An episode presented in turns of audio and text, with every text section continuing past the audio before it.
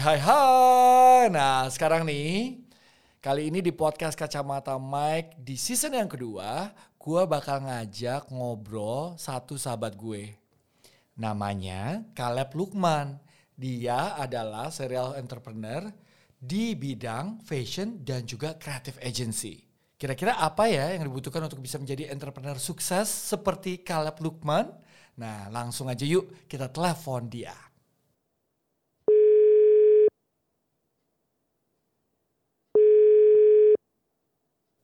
Halo.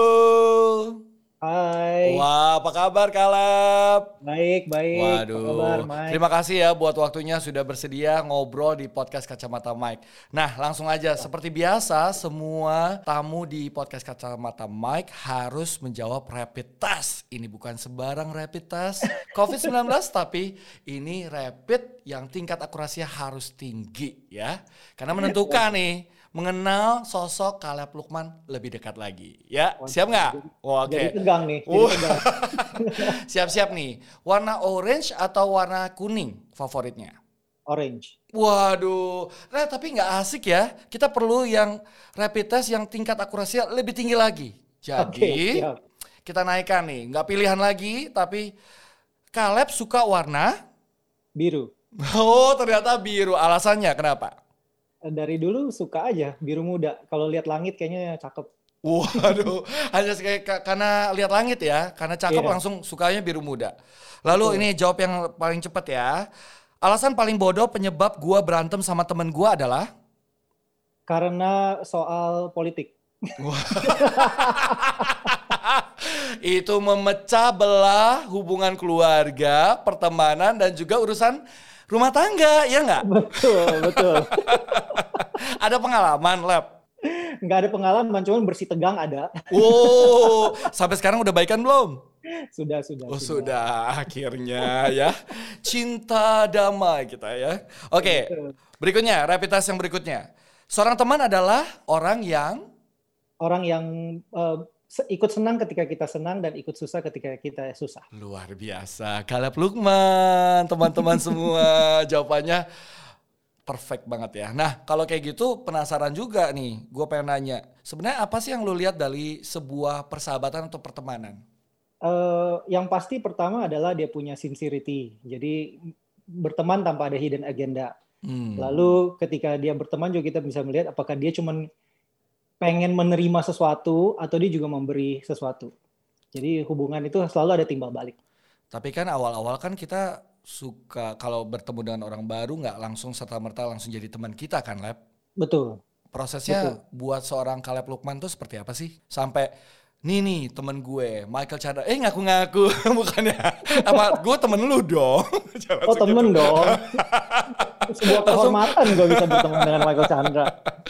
Gimana kriteria dan prosesnya sampai bisa menjadi teman atau inner circle-nya seorang Kaleb Lukman?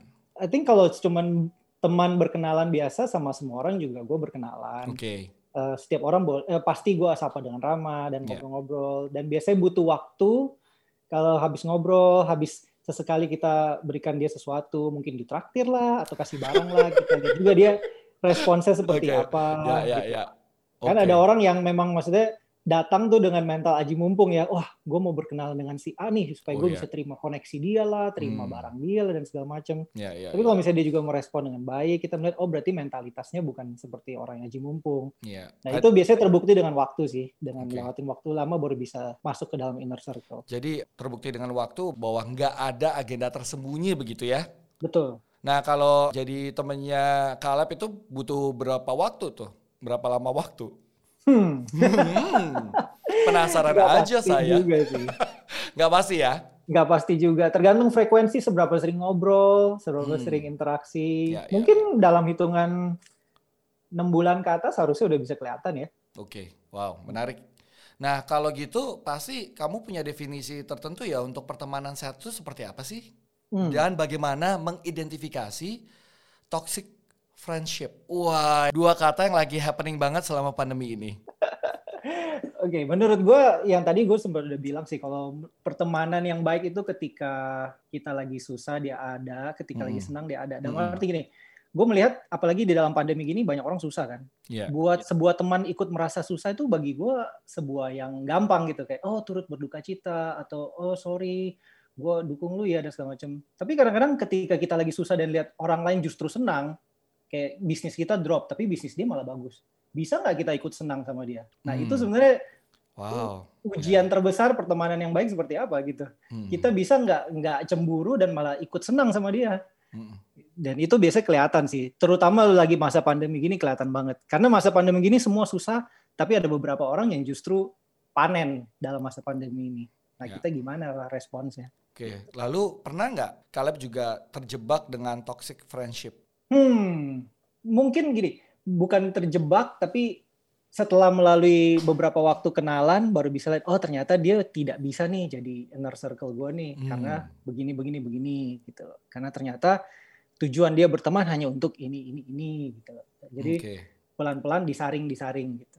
Jadi artinya kalau bagi seorang Caleb Lukman itu berarti pertemanan itu terus diayak atau disaring ya dari waktu ke Betul. waktu ya. Jadi nggak nggak nggak semuanya akan misalnya pertemanan ada 50 tapi sering dengan berjalannya waktu nggak mungkin 50 terus kan. Tapi ya Betul. ada benar-benar orang yang benar-benar nanti akan menjadi inner circle-nya kita gitu.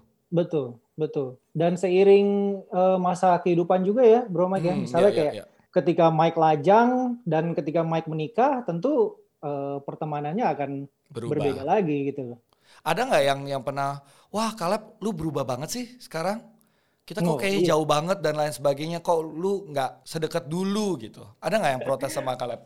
Oh pasti ada dan itu sebuah sesuatu yang normal. Tapi ya gue selalu merasa kalau mereka protes seperti itu berarti kemungkinan besar mereka yang tidak mengerti si season hidup atau apa apa tuh bahasa Indonesia-nya Musim masa hidup. mas, musim kehidupan kita Ya. saat ini.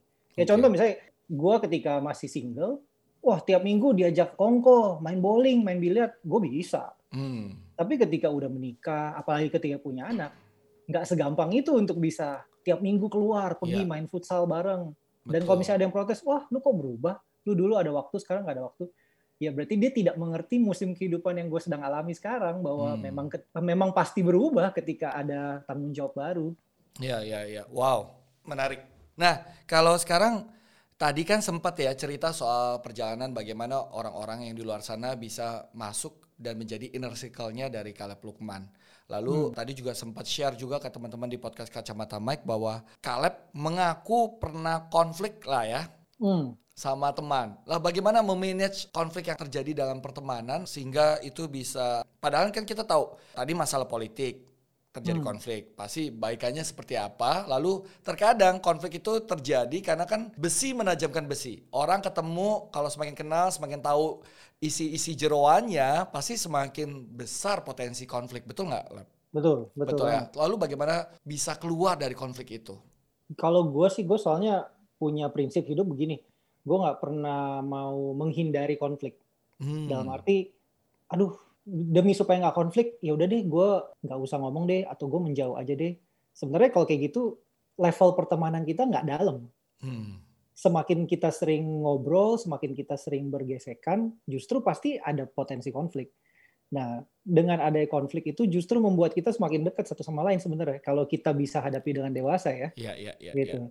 Nah, justru ketika konflik terjadi, ya prinsip gue adalah ya gue harus berani ngomongin bahwa, eh kita ngobrol yuk. Gue merasa gue nggak suka lo begini gini gini gini. Menurut lu gimana? Menurut lu Hmm. apa yang gue katakan bener nggak? Dan silahkan coba menurut pandangan lu apa lu kasih tau ke gue juga biar gue bisa ngerti kenapa lu berbuat seperti itu gitu. Justru setelah ngobrol gitu kita jadi makin ngerti. Oh ternyata cara pikirnya gini loh. Hmm. Dan dia juga ngerti cara pikir kita. Gitu. Tapi kalau kita malah menghindari konflik terus ya nggak akan ada pengertian itu, nggak akan Hmm. ada saling tambah mengerti satu sama lain. Jadi lebih baik ditabrakin gitu ya. Biarkan terjadi konflik as natural apa adanya begitu ya. Jangan ditahan-tahan perasaan ini gitu ya. Jangan dihindari. Kalau terjadi terjadi, tapi hadapi dengan dewasa. Karena Wow. kalau nggak- tidak dihadapi dengan dewasa, ya bisa jadi berantem hebat dan akhirnya bubar, rusak pertemanan. Ya itu juga nggak baik. Gitu. Oke. Wah cukup ya sahabat di podcast Kacamata Mike kita mendengar bagaimana arti pertemanan atau friendship ala Caleb Lukman. Nah pertanyaannya karena sebagai entrepreneur sukses ya, Caleb Lukman ini ya. Masih belajar. Ya, oh bisa banget merendah. Caleb mungkin bisa share sedikit ya atau cerita apakah lebih mudah membangun bisnis sendirian atau bersama teman? Atau jangan-jangan lebih enak bukan sama teman, tapi juga sama orang yang asing buat kita. Mana tuh dari tiga pilihan itu? Enakan bangun bisnis sendiri, atau sama teman, atau dengan orang asing sama sekali dalam kehidupan kita? Hmm, kalau ngomong enak secara nyaman ya, nyaman, tentu pasti lebih nyaman sendirian. Karena hmm. nggak ada potensi konflik yang tadi kita ngomong, nggak ada potensi uh, gontok-gontokan. Karena apalagi kalau ngomong bisnis tuh ya, yeah. setiap orang kan punya ideologi masing-masing. Oh cara gue bener nih, gue selama ini cara ini berhasil. Hmm. Yang sana merasa enggak, paling cocok cara begini. Oh itu udah pasti. Yang namanya bukan konflik, namanya perbedaan pendapat itu udah pasti ada. Yeah. Gitu. Jadi kalau ngomong tadi Mike tanya enak mana nyaman mana, tentu nyaman sendiri, nyam, yeah. karena tidak perlu ada perbedaan pendapat. Tinggal kita menentukan decision, ya karyawan ikut misalnya. Nah, hmm. Tapi kalau mau bisnisnya gede, mau bisnisnya grow-nya steady dan lebih cepat dari biasanya, sudah pasti kita butuh orang lain. Okay. Sudah pasti kita butuh partnership, butuh iya. sinergi. Yeah. Zaman sekarang yang bisnis berhasil dengan sendiri, ya ada juga. Cuman pasti biasanya butuh waktu lebih lama dan butuh perseverance lebih lebih kuat yeah. gitu. Yeah, Sedangkan yeah. dengan partnership itu bisa di solve dengan jauh lebih baik gitu. Cuman memang partnership membawa headache tersendiri ya, membawa uh, apa namanya masalah tersendiri. Terima kasih loh buat kejujurannya aja ya. Apa tuh yang oh, iya. bikin sakit kepala tuh apa sih? Lihat dari perbedaan cara kerja misalnya. Hmm. Ya tadi perbedaan ideologi, terus uh, perbedaan strategi. Hmm. Nah itu semua tapi sebenarnya sangat bisa dilewati dengan baik kalau ya tadi pertama sama-sama semua partnership dewasa, hmm. dan yang kedua ada sistem yang baik yang di dalam uh, bisnis itu sudah terjadi. Jadi misalnya udah ditentuin nih, kalau ada perbedaan pendapat, siapa nih pemegang keputusan? Yeah. Nah, siapa nih the head of the company? Semua mungkin partnership punya equal shares, tapi selalu ada satu orang yang sebagai pemegang keputusan. Hmm. Okay, Jadi okay, ketika okay. ada konflik, selalu mengacu kepada sistem yang ada yang sudah dibuat. Keputusan bersama ya yang sudah dibuat. Oke. Nah, tapi mungkin ada juga uh, teman-teman yang mendengarkan dan pengen merintis usaha gitu ya. Kira-kira strategi terbaiknya untuk cakap mengatur keuangan itu seperti apa sih? Karena nyatanya banyak banget rintisan usaha baru dan satu dua tahun gagal atau flop karena ya cara mengatur keuangannya sangat buruk gitu. Mungkin kalian bisa berbagi tips gak? Uh, Ya, ini sebenarnya ber, berbeda-beda tergantung jenis bisnisnya ya. Yeah. Tergantung apakah ada backingan investor juga atau enggak gitu. Karena kita ngomong bisnis yang konvensional aja dulu. Kalau bisnis yang dengan modal sendiri, gitu, ada mom and pop shop lah ceritanya. Sebenarnya yang paling bagus adalah selalu punya buffer, hmm. selalu punya uh, spare dalam setiap, selalu punya margin lah masalah eh, ini bahasanya di dalam setiap kehidupan bukan hanya dalam keuangan ya dalam uh, time management kadang-kadang gitu, gitu meeting jam hmm. satu hmm. ya kalau bisa kita datang 12.45 ada 15 menit margin supaya kalau misalnya ternyata telat ya nggak apa-apa kita masih ada margin untuk bisa menyelamatkan kita ya, ya, begitu ya. juga dalam soal keuangan kalau misalnya kita pemasukan segini pengeluaran segini ada net profit segini lalu kita semua langsung bagi dan habis-habiskan ya kita nggak punya margin perusahaan kita dan sehingga ketika lagi per, uh, omset menurun kita kelabakan gitu. Oke. Okay. Siapa yang merasa tertohok sekali, aja? Saya dong. ya ya. Enggak good, dong, good, bro. Good point, good point. Ya. Margin ya, margin. Lanjut, lanjut, lanjut. Tadi apa? Tadi keuangan, ya. waktu. Terus kalau dalam soal keuangan manajemen yang baik juga, ketika kita lagi sukses, gue selalu merasa gini. Misalnya omset kita seribu gitu ya. Mm -hmm. Gue selalu di mindset gue gini. Ini omset ketika kita lagi keadaan baik kita harus prepare ketika omset sekitar sisa 40% dari keadaan baik. Itu rule of thumb yang gue pegang. Hmm. Jadi gue harus bisa operate ketika omset hanya sisa 400 instead hmm. of 1000. Nah, okay. dengan omset 400, gue pengeluaran gue, gue mesti berapa, biaya OPEX-nya mesti berapa, apa investment apa lagi mesti gue lakukan gitu dan segala macam. Jadi sehingga kita selalu di dalam musim yang kita lagi panen pun kita selalu memikirkan ada musim-musim kemarau bakal datang loh kita udah harus adjust pengeluaran kita dari sekarang gitu. itu membantu banget sih dalam manajemen keuangan gue dari sehingga bisnisnya bisa lebih sustainable. Oke, kita langsung deh bikin bisnis berdua. Cie, langsung gitu. Kayaknya saya harus berdekatan dengan orang-orang seperti Caleb, Lukman ya. Oh, kehormatan lo buat gue. Langsung lah kita langsung bareng ke notaris. eh, tapi ya uh, mungkin teman-teman juga bingung. Kualifikasinya sampai uh, bisnis itu dikatakan sukses atau tidak itu seperti apa sih Caleb? Hmm, nah itu sebenarnya tergantung beda-beda tiap orang punya ini ya, punya persepsi iya. dan juga tergantung dari musim kehidupannya juga berbeda-beda. Mm-hmm. Ada orang merasa kalau bisnis gua sudah bisa grow-nya lima kali lipat dari awal, ya silahkan. Ya, it, mm-hmm. Kalau itu memang benchmarknya kalian, ya go ahead. Tapi ada juga orang yang bilang, e, yang penting gue selama lima tahun bisnisku bertahan deh, nggak rugi deh, nggak boncor deh, bayar karyawan masih bisa. That's okay tuh, karena tiap orang punya goal masing-masing especially ketika musim pandemi seperti ini, banyak orang merasa bisa bertahan aja itu sebuah kesuksesan. Hmm, jadi tergantung ya, nggak ada tolak ukur. Oh, kalau bisnis seperti A, U, U, E, O itu sukses gitu.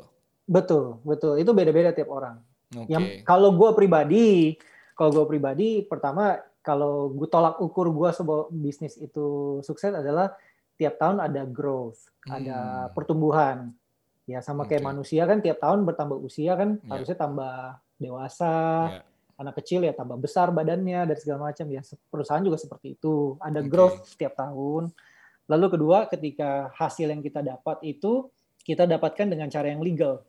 Bukan yeah. dengan uh, bermain curang atau dengan bermain yang tidak tidak seperti apa diatur dalam pemerintah punya regulation itu yeah. bagi gue udah sebuah kesuksesan Okay. Karena banyak banget yang tidak menaati itu, justru ketika kita menaati itu kita malah wah sebuah kebanggaan tersendiri gitu. Wow, Lalu okay. juga ketika karyawan-karyawan yang bekerja di dalamnya dan partnership-partnership yang bekerja di dalamnya uh, merasa mereka puas dengan lingkungan pekerjaan, dengan environment dan juga dengan growth tiap tahun yang mereka dapatkan hmm. dari segi income. Okay. Itu bagi gue udah merupakan kesuksesan sih. Jadi kalau intinya apakah seorang Kalab Lukman adalah pengusaha sukses? kalau menurut definisi gue, uh, puji Tuhan sampai sekarang bisa dibilang masih masih on track ke dalam okay. goal yang gue capai. Ya sukses? Ya sukses lah. hebat, hebat, bingung, hebat. Bingung jawabnya, nggak enak gue. Tapi ya Lab, karena kita bicara ini sesuatu hal. Kalau uh, sekarang udah bisa lihat ke belakang ya. Artinya kan kamu bisa lihat perjalanan panjang berintis usaha dan bisa sampai oke, okay, yes, dari kacamata Kaleb adalah yes, Kaleb adalah pengusaha sukses. Tapi kalau memang ada fase-fase dalam kehidupan kamu yang ingin kamu riset, kira-kira apa tuh? Ada nggak wow. sih? Dalam segi apa nih? Dalam Apa pun. Segi bisnis. Bisnis keluarga ada nggak sih sempat terpikir dari dulu kecil sampai sekarang fase-fase yang pengen kamu riset gitu? Ba kalau berarti kalau ngomong ada penyesalan gitu ya? Kalau kurang lebih. kurang lebih begitu ya. Kalau ngomong penyesalan dalam hidup, kalau jujur ngomong sih setiap manusia pasti ada ya. Yeah. Pasti ada kayak, aduh seandainya gue nggak decide ini atau gue seandainya uh, berpikir lebih dewasa saat ini hmm. pasti ada gue ya. pun ada dalam ada. kehidupan ini ya apa tuh di momen apa cerita dong sama teman-teman mungkin kita bisa belajar dari kehidupan Caleb Lukman itu kalau dari segi personal contohnya pasti ya. gue meli gue melihat ke belakang ketika masa-masa gue belum dewasa beberapa keputusan gue malah menyakiti orang lain misalnya hmm. gue merasa aduh andaikan saat itu gue lebih dewasa harusnya gue nggak uh, melakukan keputusan ini loh, yang egois ini loh, okay. harusnya gue lebih mikirin orang lain. Atau kadang-kadang ketika misalnya mikir, uh, oh kenapa gue malah membuang-buang waktu ya saat itu, harusnya gue lebih pakai waktu gue dengan baik. Dari segi bisnis pun sama, ada bukan berarti setiap bisnis yang gue bangun sejauh ini sukses dalam tanda kutip ya. Yeah. Ada juga bisnis-bisnis yang ternyata tidak growing seperti yang gue expect. Ada hmm. yang uh, ternyata gue salah keputusan dan akhirnya begitu-begitu aja. Okay. Gua, pasti ada penyesalan juga. Aduh harusnya saat yeah. itu gue nggak perlu terjun ya ke, ke bisnis ini ya. Ternyata yeah, yeah. gue belum belum mengetahui dengan jelas bisnis ini sampai gue berani turun gitu loh. Jadi pasti ada penyesalan. Tapi okay. justru membuat uh, semua kesalahan-kesalahan itu membuat gue jadi belajar sih harusnya membuat gue jadi oh harusnya karena gue dulu begini oke okay, gue sekarang nggak boleh gitu, gitu. Okay. kalau mungkin kalau nggak ada kesalahan-kesalahan itu ya gue saat ini nggak belajar iya betul juga ya jadi nggak nggak perlu tuh bilang oh aku pengen tetap jadi diriku sendiri kan suka begitu ya orang ya padahal dalam hidup menurut aku tuh ada jatuh bangunnya ada kegagalan yang pengen ya wajar untuk kita riset supaya tidak mengulangi kesalahan yang sama di kemudian hari. Betul nggak sih, Lep? Betul. Betul, betul ya? banget. Nah, apalagi betul. kalau soal bicara soal hidup sehat, kalau pengen punya pola hidup sehat ya pakai riset detox sekali ya, Lep ya. Betul, betul banget. Oke, Lep. Sekarang kita masuk ke sesi di mana ini sesi yang dinanti-nantikan di season 2 di podcast Kacamata Mac namanya Mentega Menit-menit Galau Oke okay? Kita chill sedikit ya Aku pengen nanya cepet aja ya Ini tebak-tebakan aja kita Sebelum nanti kita lanjut uh, ngobrol-ngobrol lagi ya Oke okay. ya. Caleb Lukman Burung Burung apa yang kaya? apa ini? uh, burung Garuda. Oh, Anda membayangkan Indonesia ya? Uh, saya kasih uh, kesempatan kedua apa? Burung, burung apa yang kaya? Bu uh,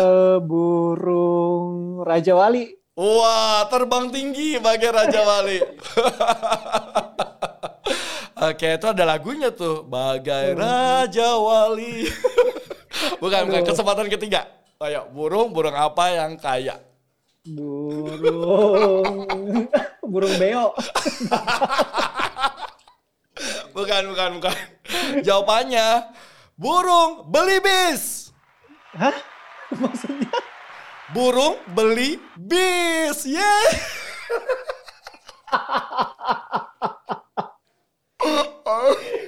Wah ini luar biasa nih. Maaf ya. Ini Maafkan ini atas pertanyaan ini, pertanyaan interview kalau orang mau kerja sama Michael Chandra ya ini.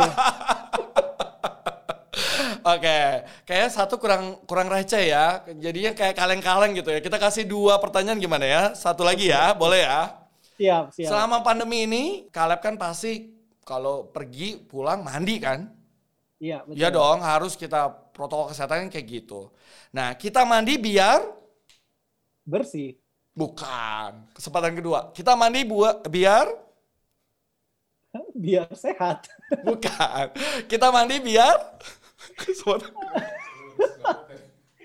biar biar banyak uang kayak seburung. Kita mandi biar biar karena suara gayung. boleh, boleh, boleh. Oke deh. Makanya kamu kenapa ini namakan mentega menit-menit galau karena galau antara mau marah, mau mencaci maki ya kan? Oke. Okay. Yeah. Tapi lanjut ini, lagi. Ya, nggak apa-apa ya. Harusnya segmen Kenapa? mentega ini harusnya 30 menit ini. Oh, Nanti kita kita siapkan pertanyaan yang lebih baik, lalu kita undang lagi Kaleb Lukman ya di podcast Kacamata Mike. Oke. Kaleb Aku tuh penasaran, lanjut lagi ya. Kalau lihat Instagramnya Kaleb Lukman, itu kan ada tulisannya serial entrepreneur. Emang apa bedanya sih dengan entrepreneur pada umumnya? Kalau serial entrepreneur itu, kalau entrepreneur pada umumnya kan biasanya dia membangun satu bisnis, bisnis A, dia grow, habis itu dia maintain terus-terus seumur hidup dia bisnis A. Nah kalau serial entrepreneur itu biasanya jiwanya itu suka suka the thrill of creating something gitu loh. Oh. Jadi ketika A bangun, di grow, di maintain, udah pikirin lagi, aduh nextnya apa ya? Bikin lagi dia B, habis B bikin lagi C. Jadi namanya serial entrepreneur. Oh wow, jadi buat teman-teman yang bergabung di podcast Kacamata Mike, ayo ngaku Kaleb Lukman punya berapa usaha? banyak gitu ya kayak iklan ratusan ya ya wow nggak nggak sanggup nggak sanggup tapi apa aja sih Kaleb kalau boleh tahu bidang-bidang apa yang kamu punya rintisan usahanya main bisnis gue pertama di bidang fashion oke okay.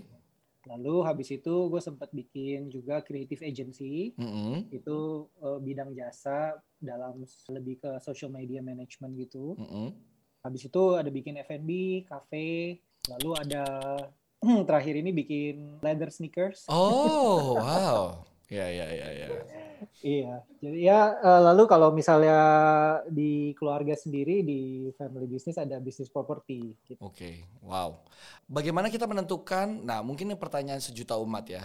Hmm. Aduh, Kak Kaleb, aku pengen deh punya bisnis, merintis bisnis. Kira-kira apa yang cocok ya? Sering banget gak sih pertanyaan itu? Betul, sering banget, sering banget.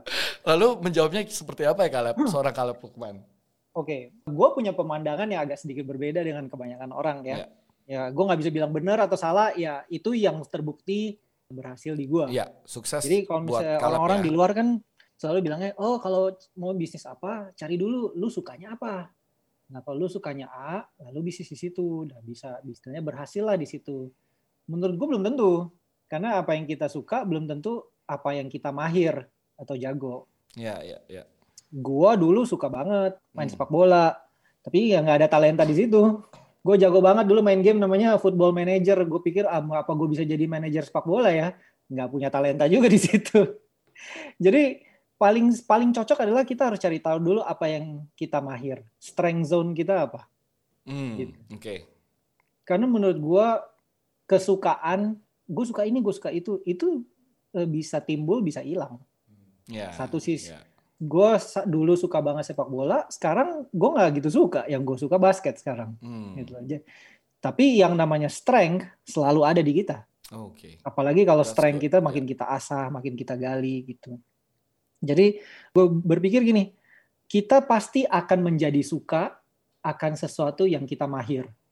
Hmm, Gue ulang ya, kita pasti akan jadi suka sama sesuatu yang kita mahir lakukan. Oke. Wow. Contoh ya, Ya. kalau misalnya gue nggak suka berenang, Ya.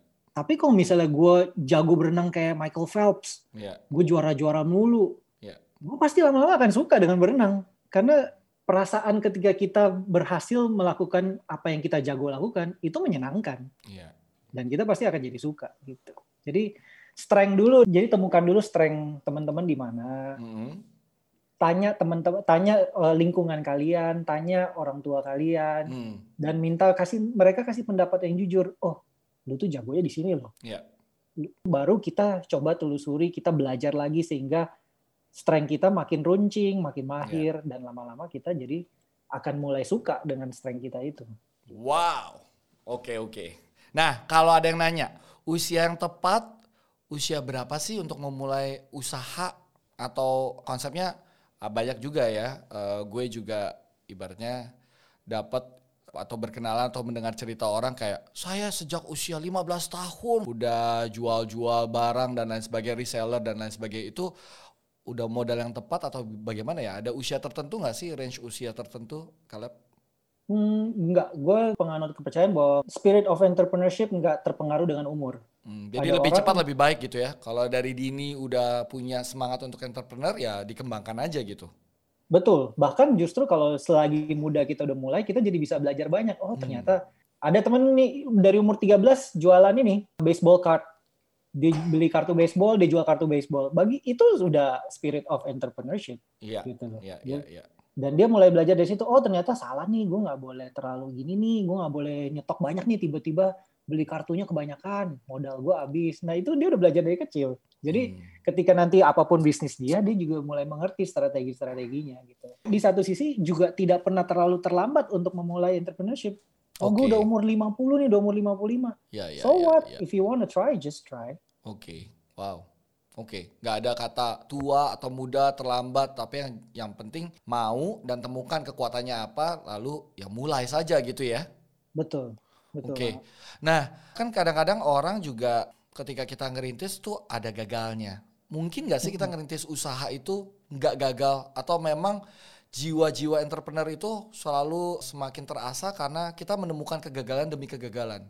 Kegagalan itu perlu. Mm-mm. gue setuju ketika ada orang bilang justru kita justru belajar ketika kita sesudah gagal. Perlu. Mm-mm. Tapi mungkin gue perlu tambahkan gini. Kegagalan kita harus terukur. Oh, oke. Wow. Ya, jangan sampai That maksudnya kegagalan kita tidak terukur sampai kita kehilangan segalanya. Mhm. Istilahnya kita ngomong praktis aja ya. Iya. Orang kalau memang mulai dari nol, dia nothing tulus kalau bahasa Inggrisnya kayak Iya. ya kalau nol kalaupun gue gagal baliknya nol lagi ya Iya. nggak nggak berkurang gitu loh Iya. Oh kalau saat nol berarti kalian eh, mati-matian jor-joran nggak apa-apa. Dan kalau habis dari nol kalian sukses dan akhirnya dari nol kalian sudah punya lima misalnya ya. Iya. nah apakah ketika punya lima spirit nggak takut gagalnya atau tidak mengukur kegagalannya? Sama seperti ketika punya nol? Tidak sama jangan begitu. Hmm. karena kalau misalnya ketika kalian punya lima, kalian masih jor-joran dan kegagalannya tidak terukur, kalian akan kembali ke nol, minus Hmm. berarti, Iya, iya, iya, iya. gitu. Jadi mindset dan cara mengelola ketika punya lima harus berbeda dengan ketika masih punya nol, gitu. Hmm. Ketika punya lima, mau start baru lagi, resiko kegagalannya harus diukur. Hmm. Kalaupun gue sampai gagal nih bikin baru ini, jangan sampai dari lima gue kembali ke nol. Nah gitu. Jadi kalau gagal pun nggak akan nyesek banget lah istilahnya. Ya, ya, ya. Jadi kegagalan pasti ada kemungkinan terjadi, tapi harus terukur ya tadi ya. Betul. betul. betul. Betul. Caleb mungkin bisa berbagi juga buat teman-teman value apa sih yang begitu penting yang selalu harus ada sama kita saat kita merintis usaha. Hmm, bagi gue transparansi sih, keterbukaan itu penting banget. Keterbukaan dalam bukan hanya dari segi keuangan, tapi dari segi ide juga kepada partnership. Ya kayak tadi gue bilang gue orang yang tidak takut dengan konflik gitu. Jadi kalau misalnya ada partner, gue merasa strategi dia atau cara kerja dia tidak sesuai dengan value corporate kita, gue nggak takut untuk ngomong, kasih tahu, bilang Hmm. bro, lu nggak boleh gitu loh bro. Menurut gue lu nggak cocok bro. Misal- Misalnya kayak value yang kita mau tanemin, misalnya kayak tadi on time lah, tiap kali meeting jangan sampai telat ya. Hmm. Terus partner gue malah yang telat. Gue tidak boleh takut untuk transparan dan honest sama dia bahwa bro, lu nggak boleh gitu. Kalau lu mau anak buah kita on time, ya lu perlu harus contohin bahwa lu juga on time. Hmm. Gitu. Jadi ada kemungkinan jadi konflik dia jadi marah, ada kemungkinan. Hmm. Tapi justru kalau misalnya didiemin dan ah udahlah, ntar dia tersinggung, udahlah Hmm. maka value itu nggak akan kebentuk. Oke. Dan yang rugi adalah satu perusahaan. Oke. Wow. Oke. Hmm. Itu yang pertama. Yang kedua? Yang kedua, value yang paling penting, hmm, semua penting ya. Gue jadi Wow, ya, ya. Untuk menjadi pengusaha sukses memang banyak banget value-nya. Apa yang iya, kedua? Percaya Uh, dengan insting atau intuisi gitu? enggak sih. Gue gue kalau intuisi gue dengerin pendapat orang lain juga karena Hmm. intuisi gue nggak selalu benar. Mungkin yang value kedua yang gue merasa personally sangat berguna di gue adalah value ketika gue menjadi orang yang bisa dipercaya, Oh, saluran wow. yang baik. Iya. Dalam arti gini, mungkin penjelasannya agak panjang dikit ya. Ya, nggak apa-apa. nggak apa-apa ya. Gue merasa dalam sepanjang perjalanan bisnis gue, gue nggak bisa ambil kredit dan sombong bilang, wah ini semua karena gue pintar dalam mengambil keputusan, makanya bisa begini, begini, begini. Tentu keputusan yang benar penting, betul. Tapi gue merasa selama perjalanan hidup bisnis gue, gue juga banyak dibantu orang. Hmm. Banyak terima favor dari orang. Kayak Tiba-tiba ada yang bilang lah, eh sini gue bantuin deh, gue bikinin softwarenya dengan harga diskon gitu Hmm. atau gue bantuin deh sini lu sewa tem- di tempat gue dulu it's okay nggak usah bayar dulu setahun awal dan segala macam itu gue melihat jejak-jejak itu banyak banget terjadi di Iya. hidup gue kayak kok ada aja ya bantuan dari orang ya as if percaya nggak percaya kayak orang tuh ngantri untuk kasih gue favor kasih gue bantuan. Nah Iya. gue merasa setelah gue pikir-pikir lagi kenapa orang bisa sebegitunya ya? Kok mau banget untuk membantu gue ya karena sebelum bisnis ini pun gue sudah menabur banyak di hidup mereka. Hmm. karena gue pun sudah membantu mereka lebih dahulu gue bikin good impression dalam hidup mereka. Kayak tadi gue ketika berteman sama dia gue bukan aji mumpung Hmm, atau iya. cuman mau ambil sesuatu dari mereka gue juga gue pun banyak memberi dalam hidup mereka gue menjadi orang yang terpercaya bagi mereka orang yang dipercaya dan mereka melihat gue istilahnya gue kalau bantu nih orang nggak rugi deh ini orang bukan orang moyung bukan orang yang kayak nggak Iya. tahu diri Ya. gue membantu dia pasti worth it deh. Nah, karena gue merasa karena jauh sebelum gue mau mulai bisnis, gue udah membangun karakter gue, value gue menjadi orang yang seperti itu. Sehingga Hmm. ketika gue mulai bisnis, orang-orang jadi malah memberi banyak ke gue. Nah, gue Wow. merasa banget itu sih. Jadi hukum tabur tuai lah ya. Betul banget. Jangan Jadi pernah kita lihat dan pilih-pilih orang juga ketika kita tabur kebaikan gitu. betul. Jadi value dalam membangun bisnis ya sama seperti dalam membangun karakter pribadi sih, menjadi Oh. orang yang dipercaya, menjadi orang yang istilahnya tanah yang subur. Iya, betul, betul, betul. Wow, belajar banyak dari Caleb Lukman. Mungkin secara cepat aja tiga tips buat teman-teman yang mungkin punya niatan bikin usaha. Tiga tips ya. Iya. Alright, yang pertama adalah tes market dulu. Iya. Jangan langsung terjun tanpa kita survei-survei. Cek dulu apa yang kamu menurut kamu ide bisnis yang baik belum tentu diterima oleh masyarakat. Hmm. Jadi survei-survei dulu, cari tahu dulu, cari tahu dulu kompetitornya siapa. Kalau tidak ada kompetitor sama sekali, bisa jadi berarti ide bisnismu tidak menarik. Makanya tidak ada orang yang mau masuk. Menarik tuh. Iya, iya, iya, benar juga ya. Betul. Banyak orang bilang, oh ini bisnis ini nggak ada kompetitor nih. Woi, woi, woi, nggak ada kompetitor, mungkinnya berarti nggak ada, nggak ada, nggak ada, ada peminatnya. benar juga. Iya. Oke, itu yang pertama. Kedua, Kedua adalah cari orang yang bisa mengelola uang dengan baik. Kalau kamu orangnya yang bisa mengelola manajemen keuanganmu dengan baik, ya be that person. But if you know you are not that person, kalau lu tahu itu bukan strength lu, Hmm, harus cari orang yang bisa mengelola uang dengan baik. oke. Karena yang membuat perusahaan bisa bertahan dan akhirnya growing adalah pengaturan money management, Hmm, bukan bukan omset. ya, ya, ya, ya. Ada orang yang omsetnya gede banget, miliaran, tapi karena money managementnya nggak bagus, ya perusahaan itu hancur juga. Wow. Ada orang yang omsetnya nggak segede gitu, mungkin Hmm. cuman puluhan juta, tapi karena money managementnya bagus, selalu growing, selalu growing, selalu growing. Jadi Oke. money management itu sangat-sangat penting. Cari orang yang bisa mengkomplement kalian di situ, di strength Oke. itu. Sama ya terakhir, jangan cuman jago di strategi, jangan cuman jago di kepintaran dalam berbisnis, tapi jadi orang yang punya karakter yang baik, punya karakter yang benar. Kayak tadi gue bilang, kepandaian satu orang hanya bisa membawa sebuah perusahaan sampai sejauh mana, tapi Iya. perusahaan itu bisa besar hanya bisa dengan bantuan-bantuan orang lain.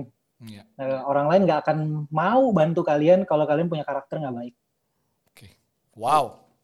Terima kasih sekali Caleb Lukman untuk insight yang sangat-sangat luar biasa. Gue juga secara pribadi belajar banyak jadi ya. Jadi semangat untuk merintis usaha ya. Wah, Ah. asik. Jangan lupa gue ya, bro. Oh ya pasti, pasti. nah, dan kita menutup dengan mentega. Enggak, enggak, enggak, enggak. Cukup, cukup, cukup. cukup tadi. Terima kasih banyak ya. Gue yakin teman-teman yang dengerin di podcast Kacamata Mike juga belajar banyak. Caleb Lukman, terima kasih. Selamat sore. Selamat sore. Thank you so much, bro. Wow, wow, wow. Tiga tips ala Caleb Lukman tadi semoga bermanfaat ya buat teman-teman yang lagi fokus merintis usaha. Semoga ke depan bisa terus menjadi pengusaha sukses. Jadi mulai sekarang pantengin terus podcast Kacamata Mike dan dapatkan insight-insight yang luar biasa. Ya, see you.